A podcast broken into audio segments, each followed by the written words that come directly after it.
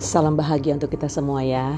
Uh, Anak-anakku, sahabatku atau siapa pun yang dengan setia selalu menanti episode di Vivid Podcast. Karena sebenarnya episode demi episode ini diperuntukkan pada siapa aja Ya. Nggak hanya siswa SMP SMA, kuliah, kerja ya tapi juga untuk ya semua orang sebenarnya karena kecakapan atau kemampuan atas pengembangan diri itu ya eh, boleh untuk siapa saja.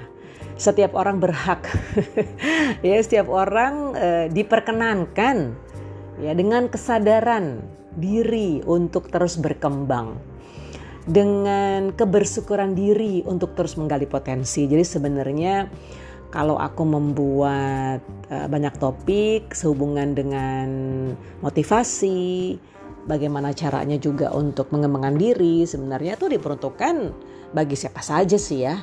Gak harus untuk mereka yang sedang kuliah atau sedang bekerja, tapi ibu rumah tangga, wira swastawan gitu ya. Uh, apa namanya? Uh, siapa pun uh, yang mau gitu ya yang memang sadar bahwa kita ini diberi kesempatan oleh Maha Kuasa untuk terus maju, ya enggak? Ya, untuk terus bergulir ke depan menjadi lebih baik. Dan ingat, lebih baiknya itu bukan membandingkan diri kita dengan orang lain, tapi bandingkan diri kita nih dengan diri kita yang berikutnya. Ya kan, maksudnya versi se, apa versi yang lebih baik lah. Kalau sekarang ini ada di posisi misalnya beginner, pemula.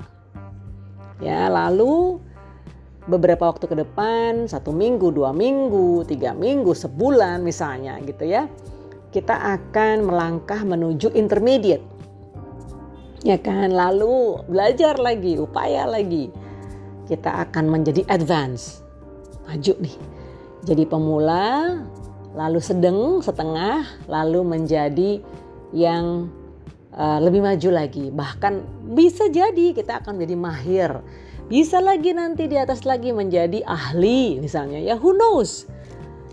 Intinya sebenarnya niat. Niat, disiplin diri, mau bertanya, mau mencoba, lalu dengan rendah hati memahami bahwa kita adalah pribadi yang ingin terus berubah menjadi lebih baik. Ya, bukan berarti tidak mensyukuri apa yang kita miliki, bukan, bukan, bukan itu. Selalu tentu kita syukuri, tapi tahap ya uh, untuk kita mensyukuri itu memang adalah improvement, perbaikan. Itu sebenarnya salah satu dari banyaknya upaya untuk kita bersyukur atas kesempatan yang diberikan. Ya, wah ini prolognya panjang banget sebenarnya episode ini mau menyampaikan bahwa uh, alasan ya, alasan mengapa memiliki kecakapan presentasi itu penting dan dirasa perlu. Waduh, ini sebenarnya sih ngoceh-ngoceh terus biasa nih ya. Ibu Vivit ini uh, kalau menyampaikan sesuatu memang uh, harus ada reasonnya dulu gitu why? Gitu. Alasannya kenapa aku mau nyampaikan ini? The reason why. Why dulu baru how? Karena e, kalau kita memberi landasan alasan mengapanya sehingga di benak kita di mindset kita kita sudah tertanam bahwa dengan sepenuh hati dengan kebulat tekatan kita memahami bahwa itu hal yang harus kita pelajari ya kan? Hal yang harus kita miliki tanpa keterpaksaan tanpa mager-mageran gitu ya. Bahwa itu emang memang perlu gitu ya. Buat apa? Ya buat kita gitu loh. Bukan buat siapa-siapa. Bukan buat bu dosen. Bukan bukan buat bu guru. Ya. Bukan buat orang tua. Bukan. Ya kecakapan itu buat membantu kita. Keahli ke, ke kemahiran itu buat menolong kita. Jadi seperti juga ilmu pengetahuan ya, itu kan secara hard skill. Soft skill penting juga. Nah nanti kita akan bahas tentang hard soft skill, tapi episode kali ini tentang um, mengapa ya, mengapa kita perlu untuk mempelajari kecakapan presentasi. Nah, begini ceritanya. Jadi uh, beberapa bulan belakangan memang uh, banyak sekali jadwal untuk menguji ya, menguji mahasiswa baik itu S1 maupun S2 untuk presentasi. Nah, hal yang uh, apa ya saya perhatikan, ini sambil buku catatan nih ya, um, karena aku selalu membuat notes catatan ketika mahasiswa presentasi. Apa saja hal-hal yang dapat dijadikan feedback ya uh, umpan balik yang membangun yaitu adalah constructive feedback. Jadi begini, um, kalau kita presentasi, hal yang pertama harus diingat adalah kita paham apa yang kita sampaikan. Paham, ya memahami, memahami isi dari cerita ya atau paper ya atau apa pun itu yang akan kita sampaikan kepada audience ya kepada pendengar. Dalam hal ini bisa penonton bisa dosen bisa uh, keluarga bisa tergantung uh, kita ini sedang menyampaikan buah pikiran kita ke siapa. Paham isinya ya. Lalu yang kedua uh, ingat bahwa yang namanya presentasi bisa jadi kita membuat PowerPoint ya bahan yang untuk dipresentasikan. Ya kalau umum tuh bicaranya misalnya PPT lah kata kata PowerPoint presentation. Nah, apa itu maksudnya PowerPoint?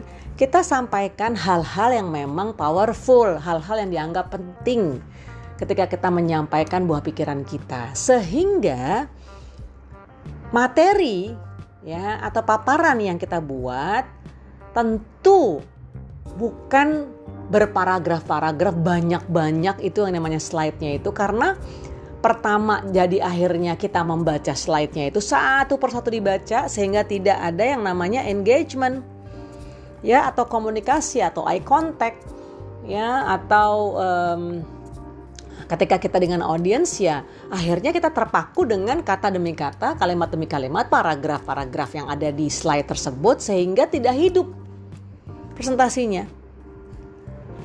Ya, jadi yang pertama tadi ya memahami isinya. Lalu yang kedua eh, apa yang dimaksud dengan PowerPoint itu? Ya, isinya apa sih?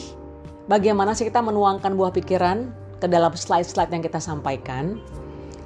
Lalu yang ketiga engagement. Jadi um, kita berkomunikasi dengan mata kita, dengan gesture kita, dengan slide yang kita tampilkan baik itu ada grafiknya, foto maupun video seperti itu. Ya. Lalu ingat bahwa manusia itu memiliki soul, nyawa. Jadi ketika kita menyampaikan apa yang ada di benak kita dengan yang kita siapkan tadi itu, kita bukan robot. Ingat itu. Jadi uh, apa ya namanya ya? Uh, uh, ada passion di situ, ada gairah di situ. Ya, ada ketertarikan pada topik yang memang sedang kita bawakan. Jadi tidak flat. Tidak menjem, me, menjemukan, tidak membosankan. Karena memang kita sedang menyampaikan kepada orang lain. Orang lain kan kita harapkan tertarik dong bukan yang kita presentasi terus dia tidur tiduran ya maksudnya dia tidak memperhatikan kita ah, terserah deh gitu kan ya um, ini hal-hal yang memang baiknya kita pahami gitu. Kenapa sih kita menyampaikan buah pikiran kita? Kenapa sih kita perlu mempersiapkan kecakapan presentasi karena bukan saja dari uh, kuliah loh ini maksudnya kuliah semester 1 atau uh, kuliah akhir ya mau sidang magang atau mau buat skripsi gitu ya mesti ada seminar proposal bukan hanya itu. Tapi nanti di pekerjaan kita mewakili divisi kita misalnya atau kita mewakili perusahaan kita menyampaikan apa yang ada dalam materi yang kita sampaikan ya. Tapi kita tidak bernyawa tanda kutip gitu karena kita terpaku pada ya konten demi konten ya. Maksudnya itu tadi konten itu macam-macam ya. Ada kata ada kata ada kalimat segala macam. Dan tidak ber nggak ada interaktif gitu loh. Jadi kayak apa ya? Uh, kayak robot itu sih ibu uh, saya sampaikan tadi ya. Uh, jadi alasannya mendasar sekali sebenarnya.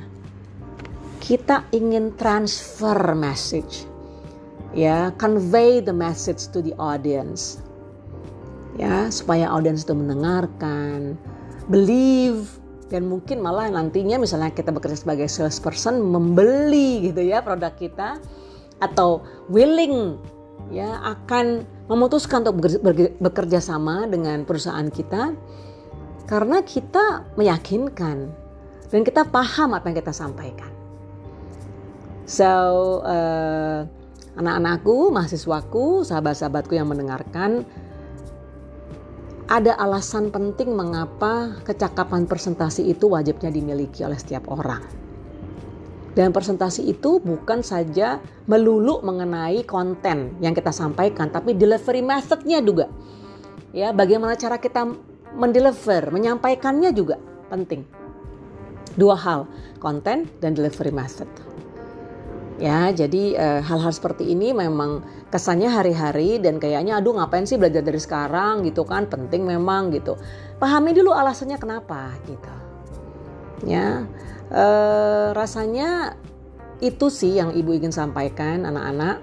Alasan mengapa kecakapan presentasi itu penting dimiliki oleh siapa saja. Oke, okay? so kita akan uh, diskusi besok ya dan uh, lusa Oke, dengarkan dulu, berikan feedback. Terima kasih. Selamat sore.